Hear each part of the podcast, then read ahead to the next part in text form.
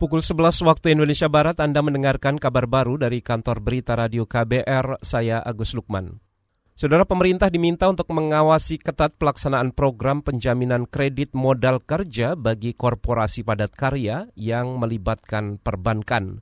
Pengamat ekonomi dari Indef Bima Yudhistira menilai program ini tetap memiliki peluang kecurangan.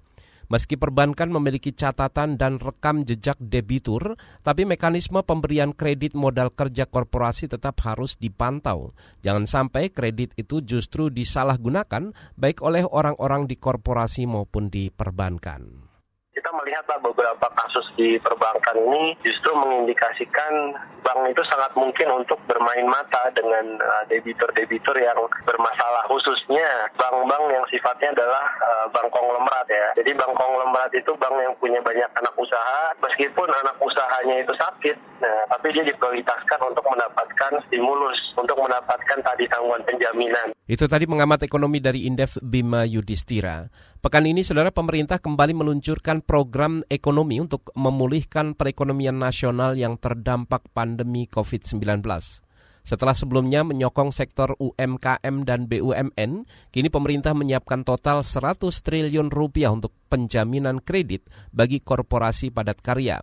Jumlah kredit yang dijaminkan untuk perkorporasi berkisar 10 miliar hingga 1 triliun rupiah. Program ini melibatkan 15 lembaga perbankan nasional sebagai lembaga penyalur kredit.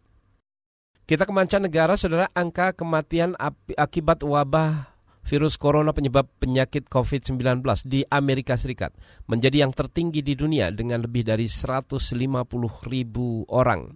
Dalam satu menit rata-rata satu orang meninggal akibat COVID-19. Dalam satu hari kemarin angka kematian mencapai 1.460-an orang. Secara nasional, kematian akibat COVID-19 di Amerika terus meningkat selama tiga minggu berturut-turut.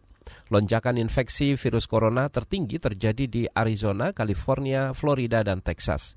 Dampaknya banyak rumah sakit kewalahan merawat pasien.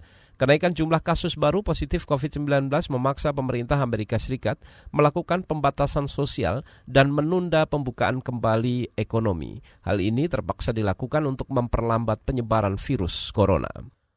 Demikian saudara kabar baru dari KBR, saya Agus Lukman.